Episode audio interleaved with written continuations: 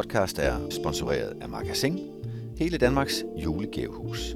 Oplev mere og shop på magasin.dk. Velkommen til Bæk Bag Bolden, som ja, byder indenfor til en VM Special. Det er så i øvrigt den sidste i den her runde. Og det er det også for det danske landshold.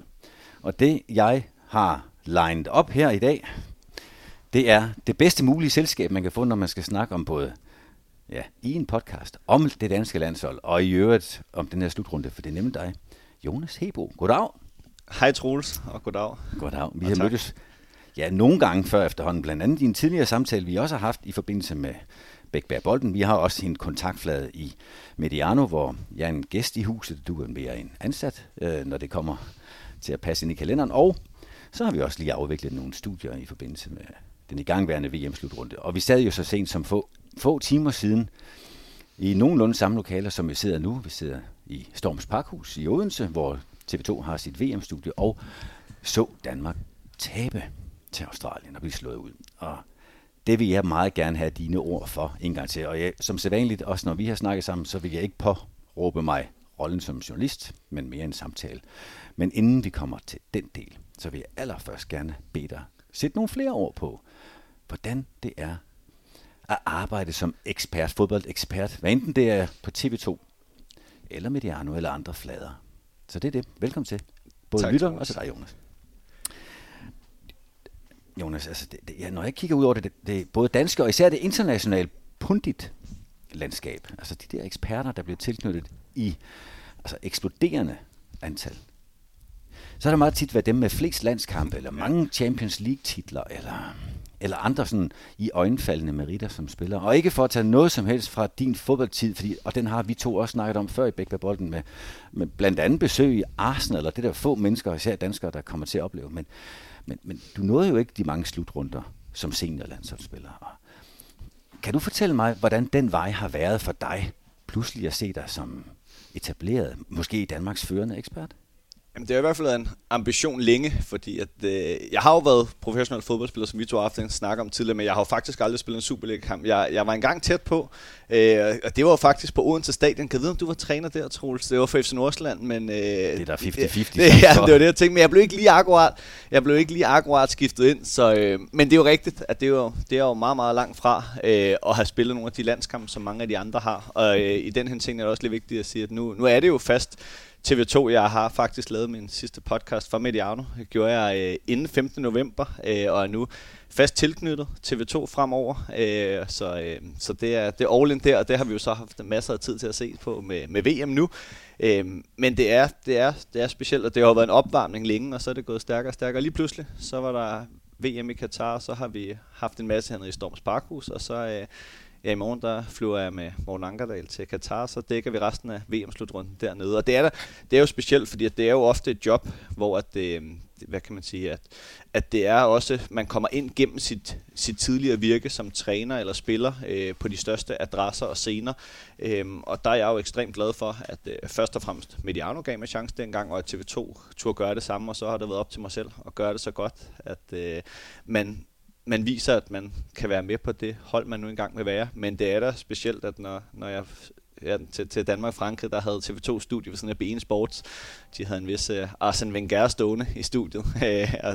så det er jo, sådan, det jo, det er jo lidt ham kender du jo. Ham kender jeg. Uh, jeg kender ham bedre, end han kender mig. Uh, men jeg har trænet under ham, og men jeg tænker, at der har været mange, mange ungdomsspillere undervejs, så uh, vi lød deres studie være i fred, også især efter de vandt, og så kunne vi koncentrere os om det, vi skulle. Men, men det, er jo, det er jo en stor kontrast, men uh, jeg må sige, at jeg, jeg tænker ikke så meget over det. Det fylder ikke noget hos mig, uh, og, og jeg har nyt både at sidde med der i går David Nielsen, Kenny Peters, Mads Juncker, øh, og hvem der ellers er på, på sin måde. Der, der tænker jeg ikke så meget over baggrund. Og nu nævnte du lige Morten Ankedal, som du også skal sidde sammen med i dag, i dagens udsendelse, som du har været i Katar med. Jeg kan så sige, som en regibemærkning for dem, der sidder og jo har det her kun som lyd.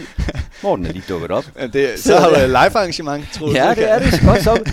Så kan Morten vælge, hvornår han vil være publikum, og hvornår vi kan spørge ham til råds. Hej Morten. øhm, øh, kender du det der begreb, der hedder, det er ikke mig, der opfundet det, øh, der hedder Peter-princippet. Peter-princippet er, øh, jeg tror jo, det er en amerikansk øh, ledelsesforsker, der har arbejdet med det begreb i jo mere end 50 år. I hvert fald går det ud på, at man jo i en kultur, hvor man hylder potentialet, har det med at fremhæve og, og avancere opad i sit interne system, den som ser ud til at have flest krummer i kagedåsen, så at sige. Den som ser ud til at kunne sit job. Så skynder man øh, sig og får frem en mand eller en kvinde op til næste niveau, hvor de så er knap så dygtige. Men hvis de er lige ved at lære det, så får de et hak mere opad, og til sidst så er vi alle sammen avanceret til vores eget niveau af inkompetence. Nu skal jeg hverken skyde VM eller Champions League vinder noget forkert i skoene, for de kan vide meget. Men lige præcis din vej, den har jo været en anden. Altså jeg mener, nu tillader jeg mig så at være opponenten på det. Jeg sætter mig at sige, at jeg synes, du er blevet valgt hver gang på din meget stor indsigt, din brændende passion for fodbolden osv. Men hvor kommer den dog fra, Jonas? Hvorfor er du mere interesseret og ser flere kampe end alle de andre, der har spillet i HIK eller Vejle? Ja. Eller? Ja, det, er jo, det, det er jo et godt spørgsmål, men, men altså, jeg elsker jo fodbold. Altså, det, jeg elsker at se fodbold, jeg elsker at spille fodbold, og, og det har også været et, det har jo været et stort, hvad kan man sige, for nogle gange, når du rigtig gerne vil noget, så er du også nødt til at ofre noget andet. Øh, og i og med, at min fodboldkarriere til sidst ikke var økonomisk til, at jeg udelukkende kunne leve af det og forsørge min familie, så øh, må man jo også ofre noget. Øh, og hvis jeg ville det her på TV2 og før siden Mediano, så havde jeg ikke tid til også selv at spille fodbold. Og det har jo så gjort, at i, ja, det er jo faktisk års tid nu, der har jeg, øh, der har jeg ikke spillet fodbold, øh, udover at jeg har hjulpet lidt til på videre Solborgs hold, og jeg er faktisk blevet Danmarksmester med det, men det klarede de uden mig, fordi jeg har haft så travlt med, med ikke at spille fodbold, altså at se fodbold, analysere fodbold. Øhm, så, så det er med at ville de ting, øh, og så er det jo også, altså jeg har jo en, en, en baggrund inden for fodbold, fordi jeg har jo spillet på som vi to også snakker om tidligere, på, på et af de bedste akademier nogensinde, og jeg var, var måske på det bedste ungdomshold, der, der har været i England, øh, i forhold til Arsenal dengang, der var et af de aller, aller bedste akademier dengang, og er det også den dag i dag. Og så siden har jeg jo så blevet ved med at spille fodbold i nærheden af Superligaen, første division, anden division, og, og har altid haft en følelse af, at mit hoved er gået stærkere end ja, nogle gange mine medspillere og modspillere, men også min egen krop har kunne følge med i. Øhm, og, og oven i det, så har jeg godt kunne lide at analysere fodbold, øh, se fodbold, men også at, at fortælle videre om det, både til mine venner og dem, jeg har været i nærheden af, og, og familie og så videre, og så senere hen på podcast og tv. Så, så det nemme svar er, at det, det falder mig meget naturligt. Øh, det er noget, jeg er meget passioneret omkring, øh, noget, jeg går ekstremt meget op i. Øhm, og så er jeg ikke, øh, ikke bange for at fejle. Øhm, og det er klart noget, jeg har haft for, for min fodboldtid, at det, jeg, jeg, er, jeg har ikke brug for at være i centrum, men jeg kan godt lide at skabe ting, der gør, at man klarer det rigtig godt. Øhm, så øh, hej Mads.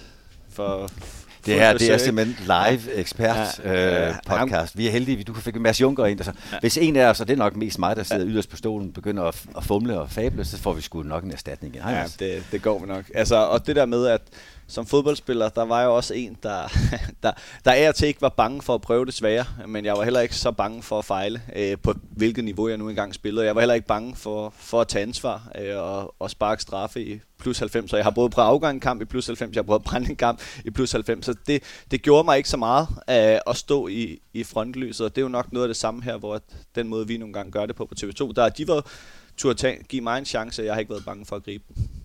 Det er live, meget af det, du laver. Så derfor, altså, man kan sige, at i tiden på Mediano kunne man bonde, og ja. kunne man slette, og kunne man redigere. Kan du ikke, når du står sammen med Morten øh, i sandet nede i Katar, eller så i studiet her? Jeg vil så sige, at jeg faktisk, nu havde jeg mit eget program, Players Lounge, hvor jeg, jeg tror, jeg nåede op på 35 afsnit, 45 måske. Jeg kan ikke helt kende forskel på 30 eller 40. Men øh, jeg, jeg kan sige, at vi faktisk aldrig, vi har aldrig prøvet med nogle af de spillere, har jeg aldrig prøvet at skulle tage noget om. Altså det er det første, jeg siger til spillerne altid. Det der med, at det, det er ikke live, og hvis der er noget, I kommer til at sige forkert, eller I kommer til at svine jeres træner til, eller et eller andet, så, så kan vi godt klippe det ud. Jeg har faktisk aldrig prøvet at skulle klippe noget ud. Udover det selvfølgelig et massivt pres, du lægger over på mig lige nu, så kan jeg så også garantere for dem, der når at lytte til det her, at det er et one take. Ja. Og derfor så har vi gladeligt lyde fra Mads Juncker og Morten Ankerdal, der forbereder sig til, til eftermiddagens udsendelse her med TV2. Inden vi kommer til Danmark, for jeg kunne godt tænke mig lige at spørge lidt mere ind til din, øh, din arbejdsliv, dit arbejdsliv som tv-ekspert, for det er jo ikke en hobby. Det har du også tydeligt gjort. Og, og jeg skal også lige en gang til at understrege, at bare fordi du ikke vandt Champions League eller VM og så videre, så kan du alligevel, når vi sidder der sammen og kigger på for eksempel Polen spil i går, ja, lige nævner, har du, har du hørt historien om det engang, hvor Jack Chesney, han brækkede begge arme ja. ved at lave styrketræning i Arsenal, så siger ja. du, ja, jeg, jeg stod der. ja, der så var, du har, ja, jeg har oplevet nogle ja, ting. Ja, du har også kendskab til dem, der lige nu præsterer ja. på højeste hylde også, ikke? Så, så det gør det autentisk. Øhm, din interesse gør jo, at du garanteret også, når du ikke skal levere viden til danskerne, ser fodboldkamp.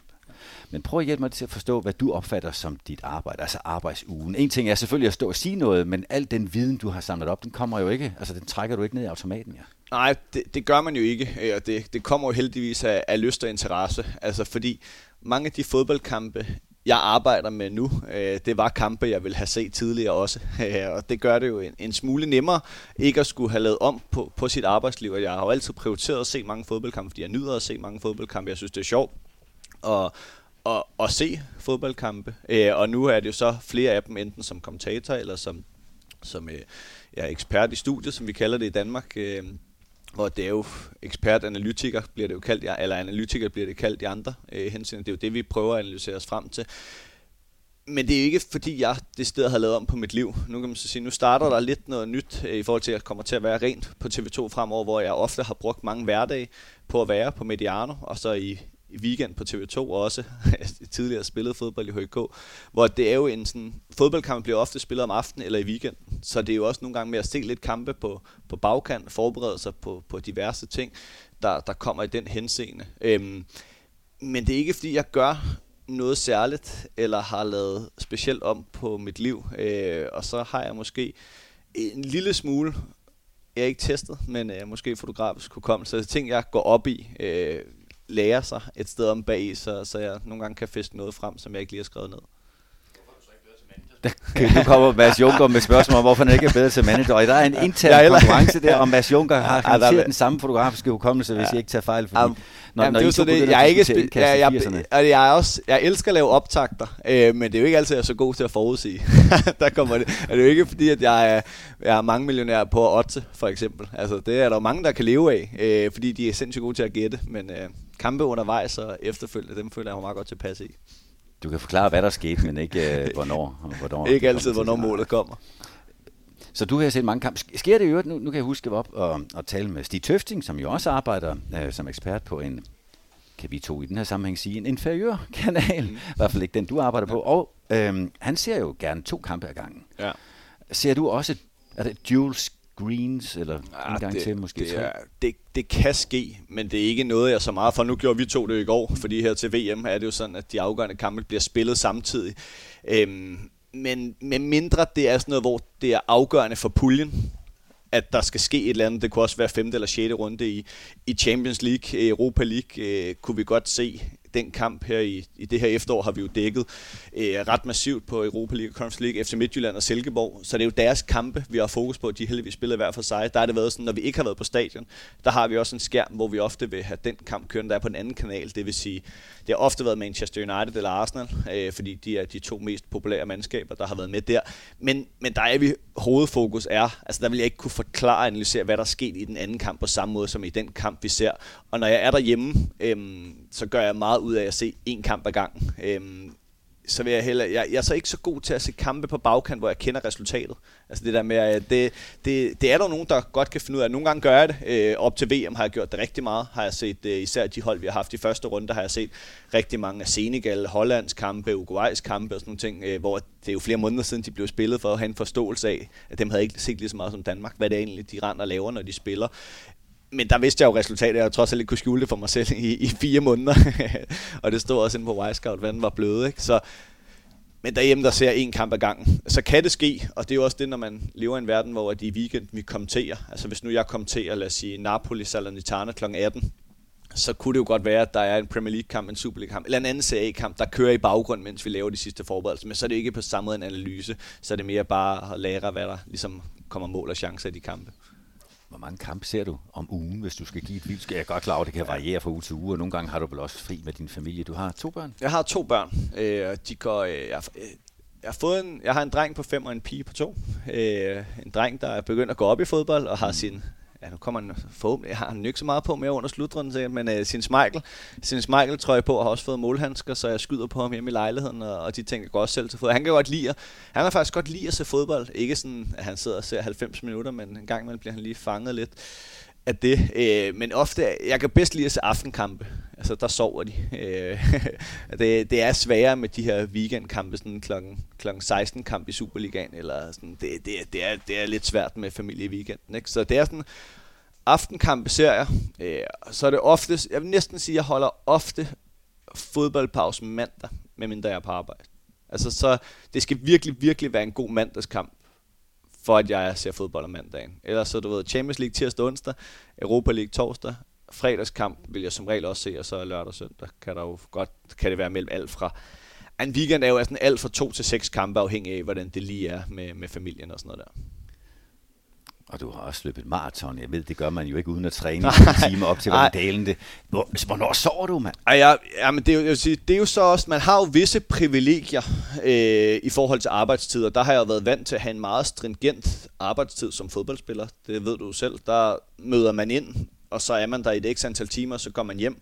Hvor at, øh, nu er jeg jo min, har jeg tidligere været min egen chef i forhold til at have været freelance flere steder, og nu har jeg så fået en fået nogle rigtige chefer for alvor her på TV2, fordi jeg er fastansat, men har jo nogle andre arbejdstider end 8-16, og ofte vil jeg jo have arbejde en torsdag aften, kunne det være det nogle gange tirsdag onsdag aften, så jeg har løbet rigtig, rigtig, rigtig meget, øh, efter jeg har afleveret mine børn i vuggestue og børnehave, inden jeg henter dem igen, så at sige.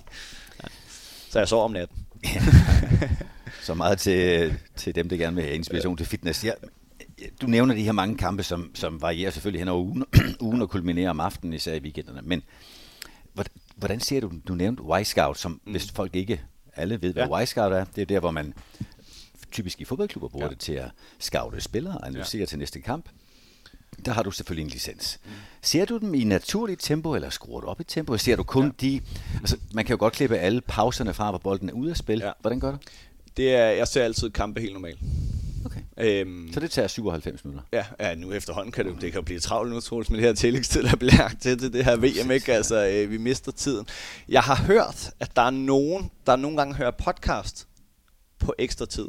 Og det kan man ikke med mig, har jeg fået at vide, fordi så kan man, der snakker jeg for hurtigt til. Og jeg er jo fra Vestegn, og jeg snakker hurtigt. Det er ikke noget, jeg har, har tænkt over, men øh, nu prøver jeg at skrue lidt ned nogle gange, så, så alle kan følge med i de ting, jeg, jeg prøver at sige men jeg bruger faktisk også, det skal siges, jeg bruger, det er alligevel ret sjældent, jeg ser kampe sådan tilbage, øh, for, for, så at sige. Jeg vil hellere have dem live, og så prøver jeg at forberede, hvis nu jeg har, lad os sige, jeg har Napoli en søndag, så prøver jeg i hvert fald at se dem weekenden før, sådan holde lidt øje med, hvad der sker i, i måneden op til. Men det, jeg faktisk bruger Y-Scout mest til, det er øh, specifikke analyser af enkelte spillere. Mm. Øhm, så hvis vi for eksempel en torsdag aften har har, har fokus på Gustav Isaksen, øhm, så kan jeg kan finde hans aktioner, øh, specifikke aktioner på det, jeg gerne vil følge ham i. Og der må vi bare sige, det er, der er det et genialt medie. Øh, jeg kan godt forstå, at, det, det, at der er rigtig mange klubber, der bruger det. De skal så også meget gerne kunne se kampe på stadion, ikke? Men, men jeg har det stadig sådan, jeg synes, det er virkelig godt at bruge til den slags, men jeg, de bedste analyser, dem får jeg, den bedste analyse, du kan få, det er at være på stadion.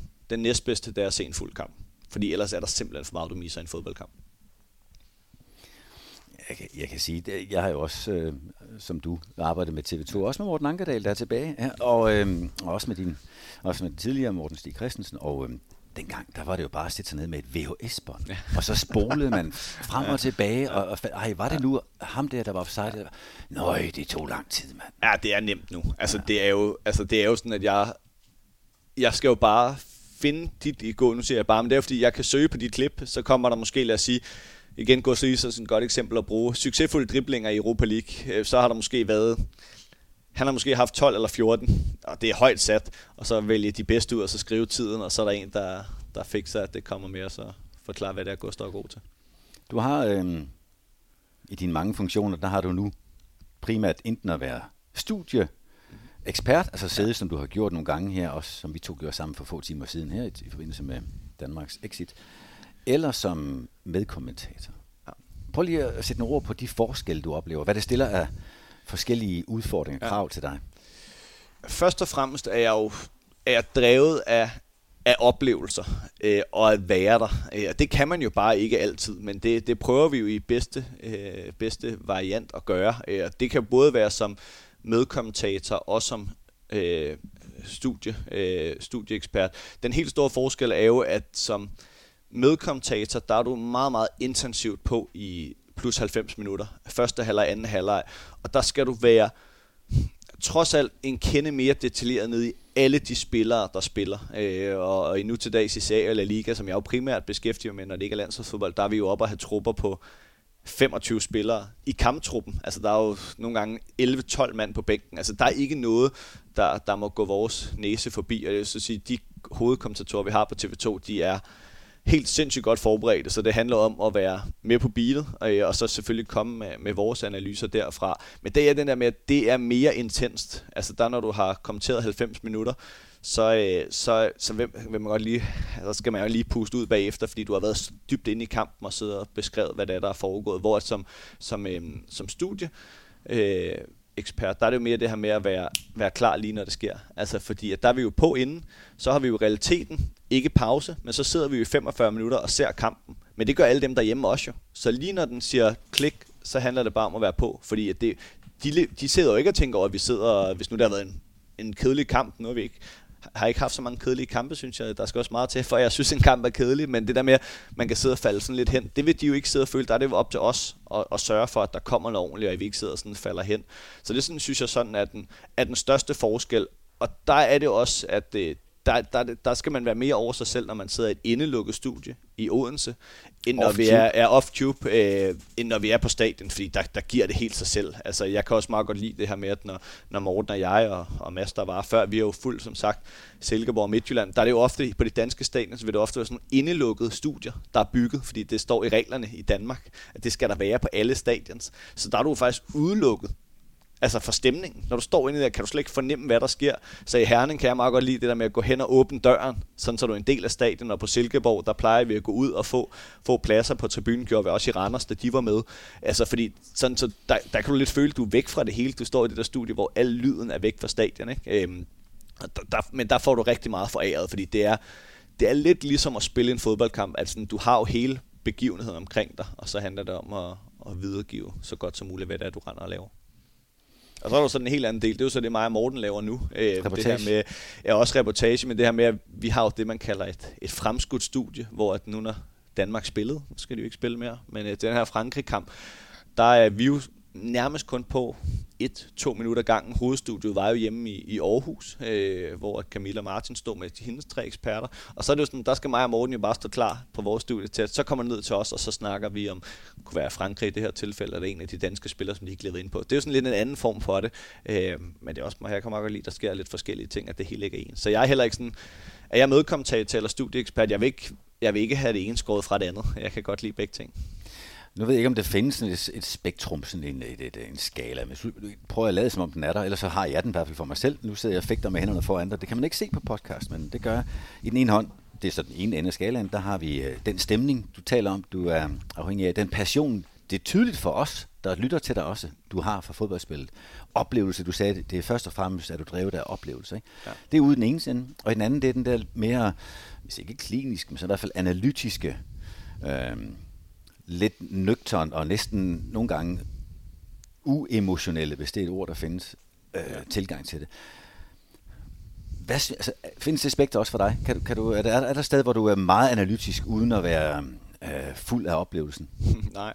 Nej? Altså, øh, det, det, det, det hele blender sammen for mig. Altså, det er ikke sådan, at jeg har ikke stået og tænkt, øh, altså, når jeg sidder i et studie i Odense Off-Tube, sidder jeg ikke og tænker på, at nu skal jeg gøre mere, fordi jeg ikke får noget foræret. Det kommer automatisk til mig, øh, at de der ting. Og det er ikke sådan, at når vi er ude på stadion, så er det måske, der er jo lidt nogle andre ting, vi også skal beskrive. Altså, der kan vi beskrive, hvad det er, der sker på stadion. Øh, uden for banen. Vi, uden for banen mm. på tribunerne har jo specielt været vigtigt her i Katar, i forhold til at have en fornemmelse af, om det egentlig er en fodboldfest, der er gang i, eller om det er fake fodboldfest, der er gang i, og der må jeg så sige, at de fem kampe, jeg har været nede og se indtil videre, har det været vidt forskellige oplevelser. Altså den første kamp, jeg var nede til Portugal, Ghana, sad mig og Morten, øh, Rasmus Tantol og Bak øh, og kiggede på den og tænkte, altså det her, det, det var da helt tamt, ikke? Og så dagen efter, der stod jeg til Iran Wales, som var en af de vildeste oplevelser, jeg nogensinde har haft. Og det er jo så det, der også vil være til et VM, at der er den der forskel på nationaliteter, også fordi det er i Katar, der er nogen, der lige pludselig er nemmere ved at komme til Katar, end til at komme til Tyskland i 24, mm. hvor at vi forventer, når Danmark kvalificerer sig, det tør jeg godt stadig sige efter i går, altså vil der jo valgfarte danskere ned, kunne du se, at vi skal spille i Hamburg, ikke? Altså, så, så tror jeg, hele Jylland kører ned, og der er nok også nogen også over for, for, for Sjælland, der tager afsted, så det, det, nu kommer jeg lidt væk fra spørgsmålet, men det der med, at... Men skalaen det, omkring det, at hvis man ja. er meget nøgtern i analysen og mere ja. Øh, begejstringsformidler, ja. når man måske som medkommentator... Ja. Jeg kan da sige, bare mens du grubler videre over, om ja. der findes en pointe i det. det. Det gør det så for mig, fordi jeg har også prøvet at skulle være medkommentator. Jeg, jeg følte en forpligtelse til at med til at sælge en oplevelse. Ja. Men jeg, jeg kunne ikke slippe det analytiske, så det der med at se, der var sgu ikke meget hudlig hud i mig. Altså, og det at lave sådan en, uh, wow, det, det synes jeg er en fin kvalitet at have. Og jeg, for mit vedkommende var det lidt svært at slippe det nøgterne i analysen, ja. for at være helt henne i, wow, skab nu oplevelsen. Ja, men jeg kan, godt, jeg kan godt følge din tanke, men det ligger så dybt ned i mig, og det, jeg har faktisk mange gode snakke med Morten Brun omkring det der med, at man ved jo aldrig helt, hvornår man bliver begejstret, mm. men lige pludselig gør man det. Altså, da jeg tog nu skulle mig og Morten Brun ud og se Iran Wales sammen, og så endte det med, at vi ikke kunne se kampen sammen, så vi stod hver for sig, og sådan er det også med sådan nogle billetter, at det ikke lige gik. Men det der med, at da jeg tog ud til stadion, der tænkte jeg, okay, Wales-Iran, hvem holder jeg egentlig med? Holder jeg med nogen? Og så var jeg Iran-fan, fordi jeg endte med at have billetter blandt dem, og det var en fuldstændig vild oplevelse. Her den anden dag havde jeg ikke regnet med, at jeg skulle juble over Koulibalys mål, selvom jeg sad i et studie i Odense, men det, det kommer bare nedefra, øh, og, og de der ting, så det, jeg vil så sige, at jeg har været ret heldig med, at de kampe, jeg har ikke kommenteret så mange kampe on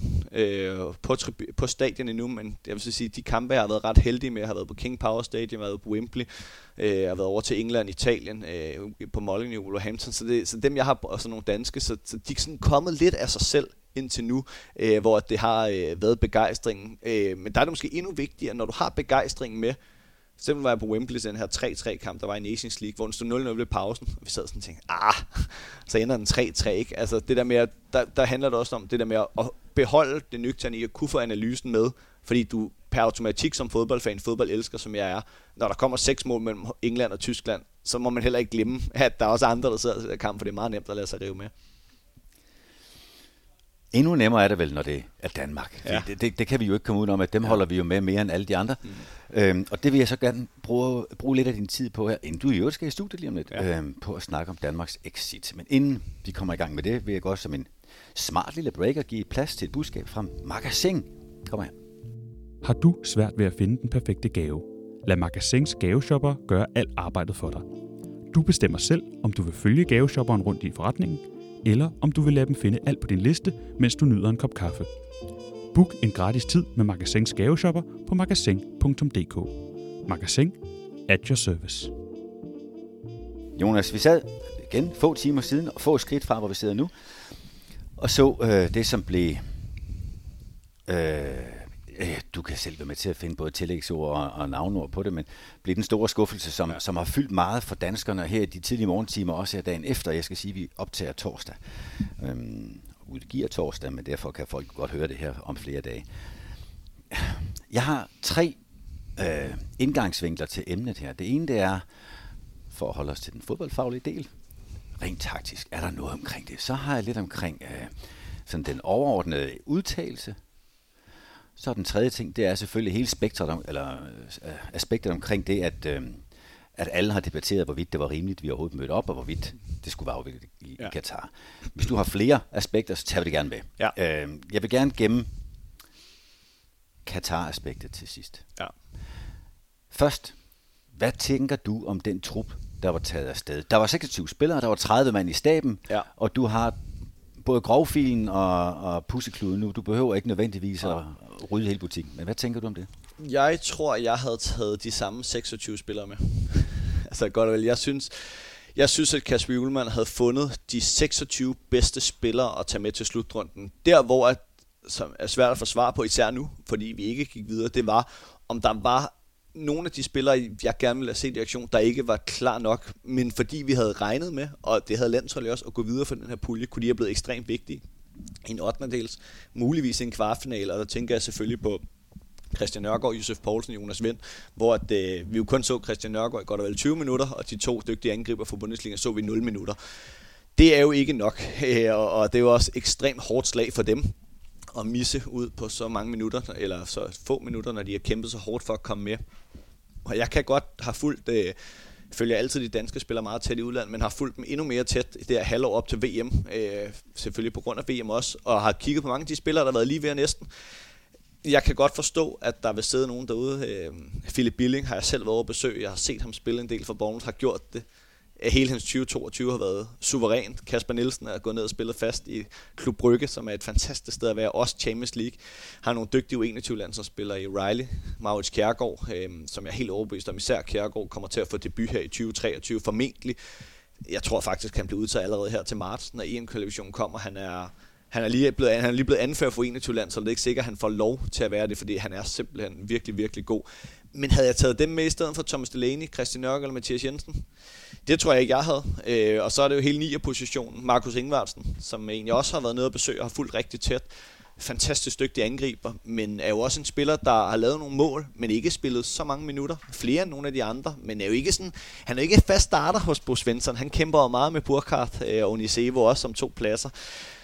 Så jeg, jeg sidder ikke tilbage og tænker, at det var trupudtagelsen, øh, der, der var skyld i, at Danmark røg ud med mere kvalitet. Og jeg er også sådan, nu, nu er lidt inde på det der, Troels, med at alle har hver sin mening, hvor i går, der var jeg rigtig ærgerlig. Jeg var også, jeg var, jeg var også jeg var trist over, at de spillere, som, hvor jeg kender ret mange af dem indgående og følger dem tæt, hvad de har brugt af minutter og sekunder på at gøre sig klar til en VM, den måde, de har præsteret på deres hold, taget valg i deres liv i de sidste ja, fire år siden den sidste VM-slutrunde på at blive klar her efter det seneste EM, corona og alt det her. Altså, så sidder jeg også, og jeg ved godt, det er jo, det er jo farligt at sige med blodtørstige danskere, men jeg synes jo, det er lidt synd i dag, fordi at det, det er altså et VM, at det, jeg synes, det er synd for dem, de kunne ramme et bedre niveau, og er spændt på, hvad forklaringen vil være. Får vi forklaringen på et tidspunkt, men det kunne, jeg kan godt forstå, hvis der sidder nogen derude og tænker, de ville det ikke nok.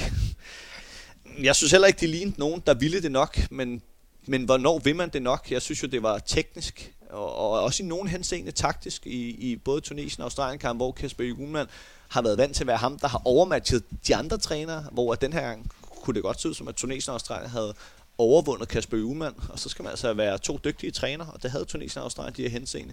Fordi at det her landshold er 8-9 8-9 eller 10 gange ud af 10 er de bedre end Australien og Tunesien. Det var de i hvert fald ikke i de her to kampe, men øh, og derfor kan jeg godt blive lidt ham, og altså må aldrig tage, det, det sidste man må gøre i verden, det er jo at finde sandheder på sociale medier, for de findes ikke. de findes ikke, ikke men at læse de ting, der bliver skrevet om nogle af dem øh, i dag, øh, og alle de ting, og jeg så også, jeg ved ikke hvilken en af aviserne det var, men det der med, at spillerne var blevet forgyldt af at være elendige og sådan noget, at folk kan ikke forstå, at de har fået penge for at være med af de her ting. Altså noget af det kan jeg godt blive lidt, lidt træt af at høre på, for det er jo ligesom ikke det, det handler om, synes jeg.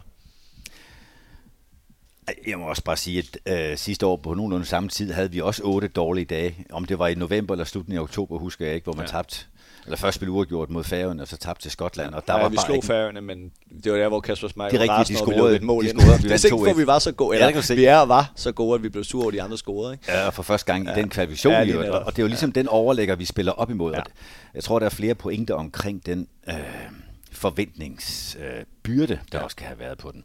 Det tror jeg, jeg tager med i, den sidste, i ja. det sidste aspekt, fordi nu ja, har vi diskuteret spændende. truppen. Jeg sidder heller ikke tilbage og tænker, at det var da utroligt, at vi ikke fik uh, Ditten eller Datten Nej. eller Knud eller Jens med, når Nej. nu vi har set en trup, som vi måske både hylder for den enkeltes kvalitet, men først og fremmest jo har bevist sig ved at være gennem indarbejdet. Altså sjældent har vi sendt et landshold til en slutrunde, som har haft så lang tid positiv ja. tid sammen, og haft så mange spilmønstre, man kunne hive op og variere som det her. Og det er jo derfor, vi sidder tilbage lidt forbløffet, nej, temmelig forbløffet ja. over, at ingen af tingene kom i spil. En af de ting, som jeg faktisk har tænkt mere over, det er det her med, at, at slutrunden ligger jo i december, eller i november for Danmark, så vi nåede jo ikke engang ind i julemåneden. De når hjem til Tinka, ja, som vi snakker om i går. De ja, det er ikke engang Men det her med, at, at Kasper Ullmann har gjort virkelig meget, at hans landshold skal være som et klubhold i en større grad end nogle af de her rigtig, rigtig store lande, som har individualister som Mbappé, Neymar og hvad de ellers sidder, der kan gøre det på egen hånd. Og der, der tror jeg, det har været et større tab for Danmark, end jeg lige gik og tænkte over, at der ikke har været en forberedelsestid. Den forberedelsestid, man skulle bruge i Nations League, øh, både i september og juni, og det er jo alligevel et godt stykke fra, øh, fra november måned, hvor det skulle være. Det, det har været slag for dem, at de ikke har kunne træne bedre, har trænet i længere tid, fordi at det, det må altså også sidde svært at være derude og være mandagstræner, fordi nu sidder alle de sure derude og siger, at alle, der er jo ikke nogen med i form.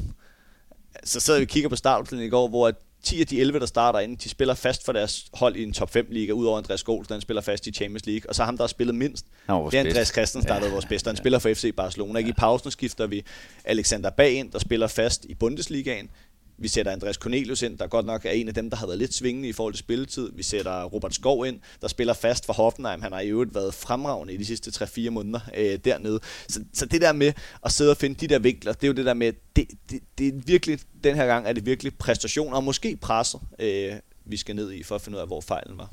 Så lad os, kigge, lad os kigge lidt mere ind i selve øh, det, det spillemæssige, de, de taktiske ting, som du har identificeret ja. fra din position. Altså, jeg prøver at spille ud, så kan du øh, save eller smashe den tilbage ja. i, i hovedet på mig. Øhm, der har været stor vari- øh, variation i danske spil. Man kunne spille i forskellige formationer. Ja. Det gjorde vi også til slutrunden. Det har vi set næsten i samtlige øh, julemands landskampe, at man undervejs, cirka efter 75, er skiftet enten fra 3-4-3 til 4-3-3. Og, øh, og det er ligesom genbearbejdet ting, man kan gøre. Vi har set på rotationerne, især med den klassiske nu for Danmark, Mæle op, ja. øh, kanten indvendt, det har været Damsgaard nogle gange Eriksen især. Hvis det havde været Brathwaite, så er det mere ham dybt, og så en faldende nier, altså, som derfor ikke kunne være Josef, eller, men som kunne være vind i de kampe, det har været muligt. Ja. Øh, og Delaney, som har ligesom været en sikringsspiller, når det gik løs i venstre side. Vi har også set lidt anderledes i højre, når især Daniel Vass har spillet forskellige positioner fra højre bak, enten bredt, meget sjældent, meget ofte inde som næsten tiger. Øh, og, og alle de der rotationer har bare siddet lige i skabet. Ja. Jeg så ikke meget af det. Nej, og det, øh, det, det må aldrig blive et problem at have luksusproblemer. For det er jo det, vi har nede i midterforsvaret, på trods af, at Jannik Vestergaard har, har været helt væk, har vi jo haft fire øh, virkelig dygtige midterforsvar med. Øh, og jeg, jeg havde forudset, at til Tunesien-kampen, at vi skulle spille med, med fire nede bag i. Der valgte Kasper Ugemann at spille med fem, og det kan du gøre, fordi at du, du så kan... Åh, de tre midterforsvar, du har, kan du tage bruge dem til at være opspilsspillere, fordi de er ekstremt dygtige til det. Simon Kjær havde den bedste aflevering i kampen. Joachim Andersen er normalt fremragende, da AC er den bedste, vi har til det. Det, der er gået lidt ud over vores spil, synes jeg, det er, at Andreas Christensen fra nu af spiller til venstre i stedet for til højre. Fordi dengang han spillede til højre, der var det nemmere for ham at gå op og blive en del af midtbanen. Det har han sværere ved over til venstre. Vi så det faktisk nul gange i øh, den her VM-slutrunde, at Andreas Christensen blev en ekstra midtbanespiller. Det så vi næsten i alle VM-kampe øh, fra Rusland og frem at det lå sig gøre der faktisk ind til semifinalen, hvor vi ikke havde luft til, der hvor også blev skiftet ud. Det savner jeg i det danske spil. Øhm, og så en af de ting, hvor at, øh, jeg, jeg, jeg langt hen ad vejen, at jeg og det er jeg faktisk glad for. Jeg er, heldig, jeg er enig i mange af de ting, Kasper Ullmann gør. Jeg synes, de ser rigtige ud. Den her gang var det nok mere en, en slutrunde, hvor man på engelsk ville sige uh, good on paper, shit on grass. Men en af de ting, hvor at jeg har været mest uenig med ham i, og som også er en af de ting, mig og Morten Ankerdal har taget fat i, når vi har snakket med Ugelmann efter kampen, og også med Christian Eriksen, det er Christian Eriksens rolle fra venstre og ind. Øhm, den bruger Danmark stadig, du nævnte selv i den første kamp mod Tunesien, øh, hvor han gjorde det. Vi har også haft den nede i Kroatien. Øh, vi havde den også i den første kamp på Start de France, øh, hvor at Christian Eriksen bliver brugt den her frie rolle til venstre, og så er den, der faktisk er Mikkel Damsgaards plads for EM, og så går han ind og bliver den her ekstra midtbanespiller. Det har gjort, at Joachim Mæle er blevet overladt for meget til sig selv i de kampe, fordi at Christian heldigvis er så god, at han kan være andre steder på banen. Men det gør også, at Christian han skal bruge flere meter på at finde de rigtige positioner på at blive god. Og det synes jeg, vi fik det perfekte bevis på øh, inde i parken, da vi slog Frankrig, hvor han spillede central midt som 10'er, lidt højere 8, som er det, han øh, mest gør for det danske landshold. Jeg så sige, at Thomas Delaney skade gjorde jo, at Christian Eriksen kom til at spille den mere på den her plads. Men faktisk spillede han stadig ikke den plads, hvor jeg ønsker ham på det danske landshold den plads, han spillede til VM, det var jo hans Manchester United-plads. Og det er der, hvor han ligger ved siden af Casemiro, i stedet for Pierre Emil Højbjerg, hvilket er faktisk normalt nogenlunde samme niveau. Det er det bare ikke været til VM. Men der er det jo ham, der står for at lægge afleveringerne op til, øh, til Bruno Fernandes, og så sætter Manchester United spillet. Hvor på landsholdet, der spiller vi jo ofte med sådan tre på række. Christian Eriksen til højre, når vi spiller med fire. 4-3-3. Christian Eriksen til højre, Pierre Emil i midten og Thomas Lene til venstre. Det gjorde vi jo faktisk også mod Australien. Der lå Christian Eriksen til venstre, og så Mathias Jensen til højre jeg savner nogle gange lidt på det danske landshold, at Christian Eriksen han spiller det, han gjorde engang. Øh, Mads Juncker siger jo altid til mig, at øh, Christian Eriksen er ikke 10, han er 8.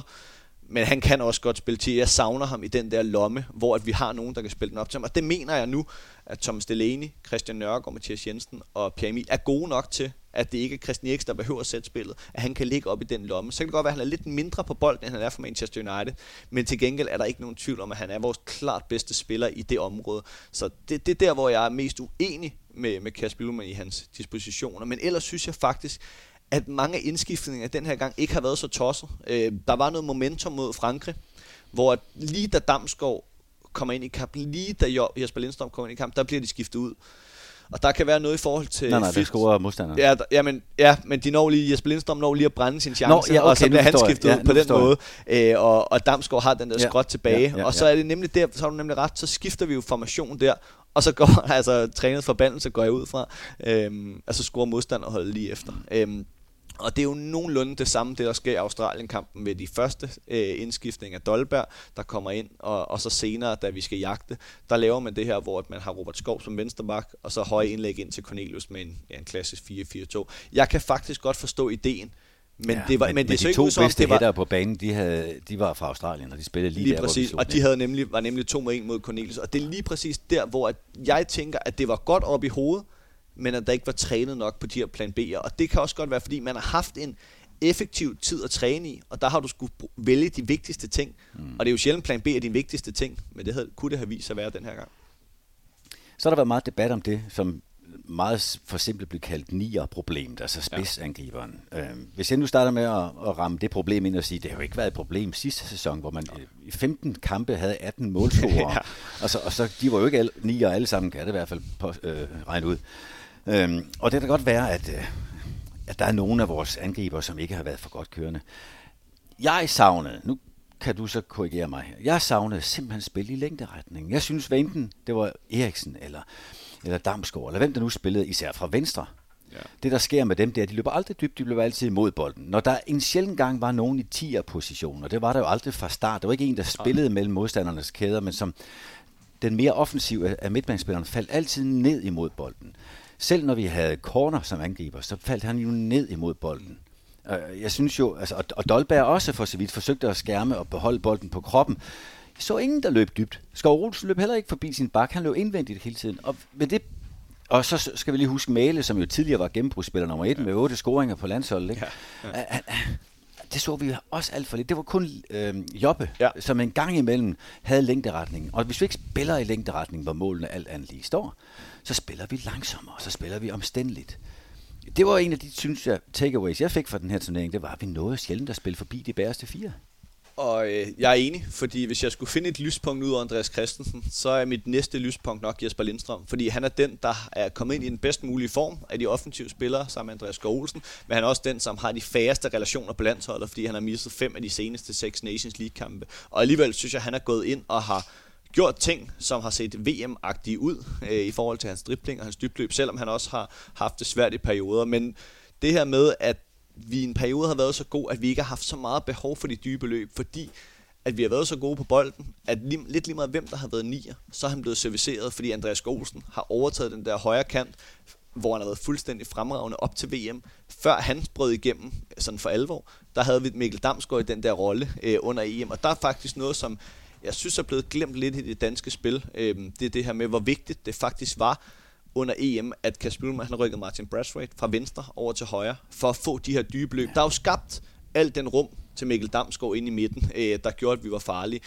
Og så falder det jo tilbage på, at jeg ville da ønske, at vi havde Erling Braut Haaland. Altså, det, det er da klart, øh, eller noget, der mindede om det, fordi de nier, vi har, der er ikke rigtig nogen af dem, der minder om hinanden, men de minder alle sammen om hinanden i niveau. Altså, der er ikke rigtig nogen, der står ud, men de kan alle sammen forskellige ting. Og der har vi jo bare set, Dolberg start inden, der har haft det rigtig svært i Sevilla, havde vi håbet på, fordi han var så god for Danmark i september mod Frankrig, at han kunne finde sin landsholdsform. Lidt aller Niklas Bentner gjorde i de der perioder, hvor han kun kunne for landshold og ikke for klubben. Tænk, hvis Dolberg kunne være sådan en. Bradford har gjort det ganske udmærket i Espanyol. Jonas Vind har været skadet hele vejen op til, Josef Poulsen har været skadet hele vejen op til, Cornelius har næsten været skadet hele vejen op til, og jeg husker næsten kun hans to mål mod Tisted, øh, som der, hvor at han er jo i perioder blevet sparet i Champions League, fordi han ikke har været klar. Det er jo faktisk det, han også blev hentet hjem for. Så det her med, at, at der har manglet den her, betyder selvfølgelig noget, men jeg falder alligevel tilbage til, at under EM sidste år, der var de trods alt i bedre form, men der i de tre første kampe spillede vi med tre forskellige spillere.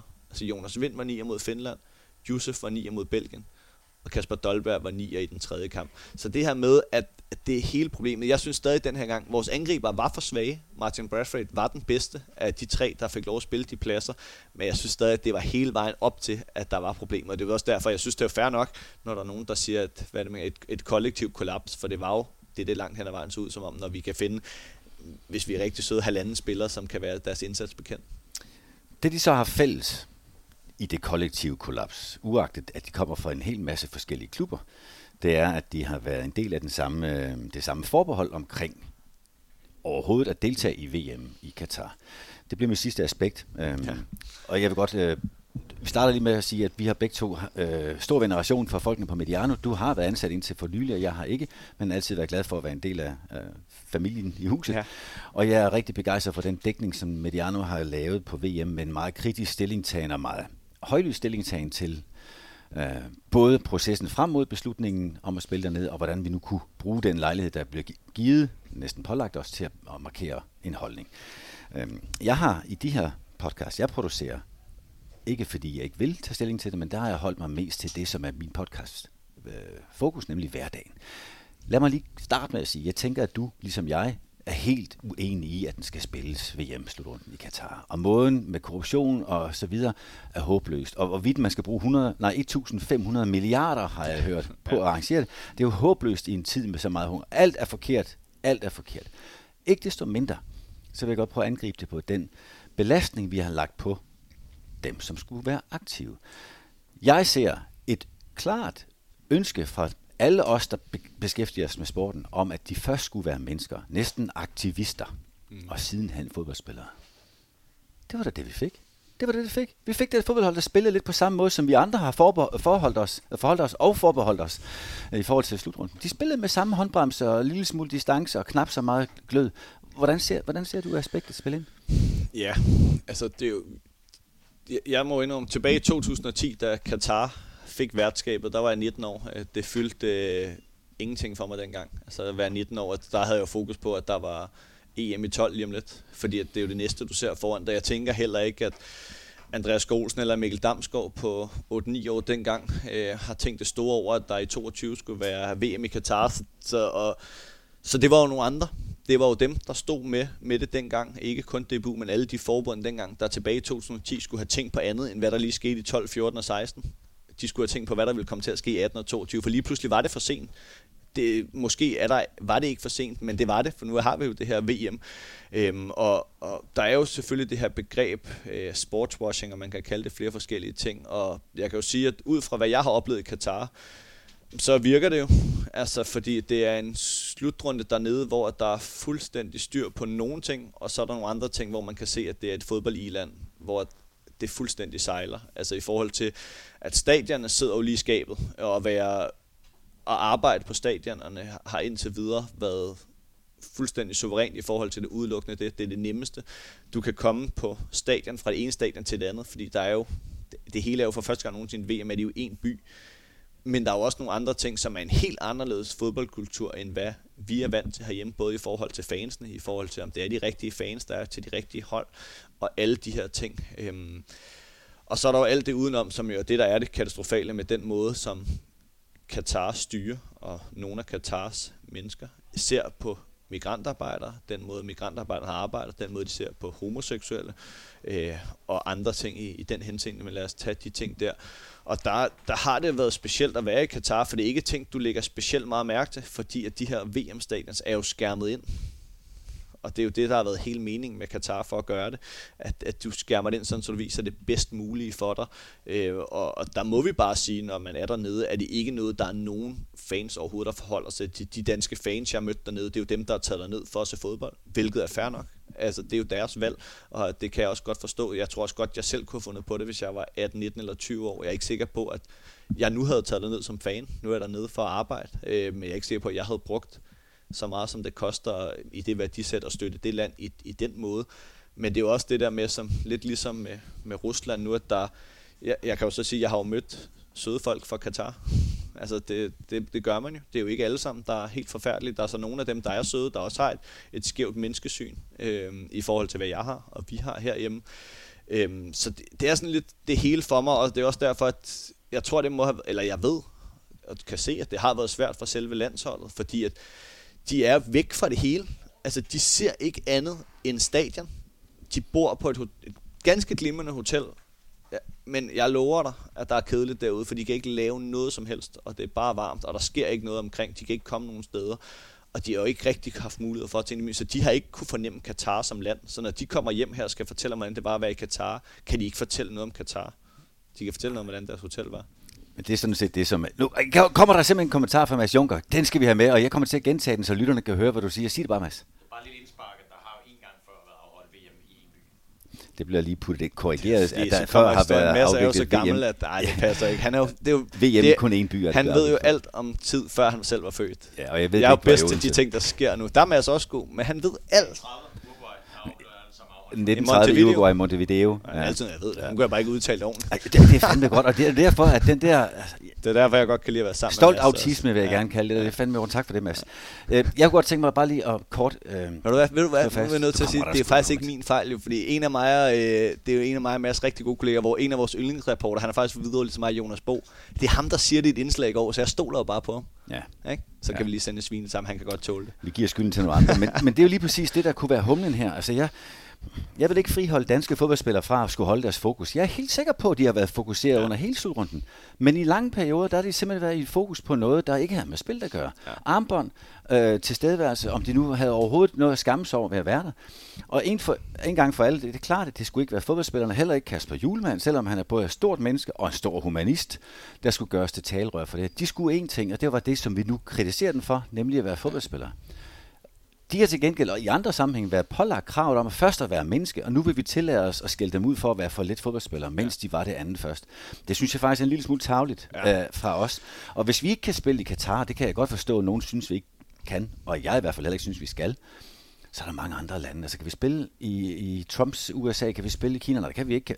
Til sidst er der, undskyld mit sprog, både Norge og Sverige tilbage, vi kan spille i, som er rene nok, og derefter bliver det Narnia og, og, og Atlantis. Ikke? Og det, hvis det er det, vi skal kigge ind i, så har fodbold jo ingen overlevelse. Og det er jo det her med, jeg synes og tror, at Kasper Ullmann har fyldt for meget i det, der ikke har handlet om fodbold, men jeg tror ikke, han ville have kunne lade være.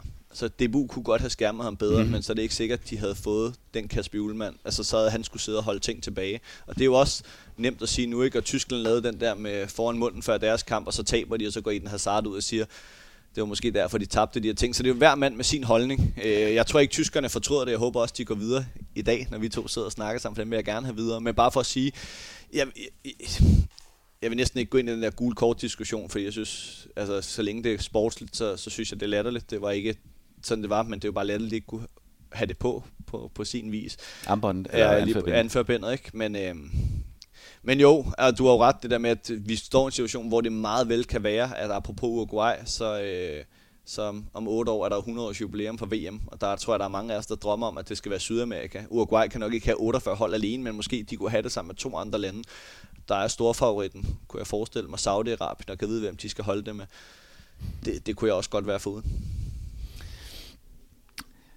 Jeg tror ikke, vi når at, at blive uenige om, at VM ikke skulle spille til Katar. Jeg tror, for egen regning heller ikke, der kan være tvivl om, at det faktum, at vi alle sammen har forholdt spillerne, hvordan de bedst kunne være aktivister, før de blev fodboldspillere, det har også taget noget af fokuset fra det, som ellers har kendetegnet dem. Og jeg bilder mig ind, at det er, det er den eneste fælles beskrivelse, der er for det kollaps, vi har, vi har set ja. siden af slutrunden.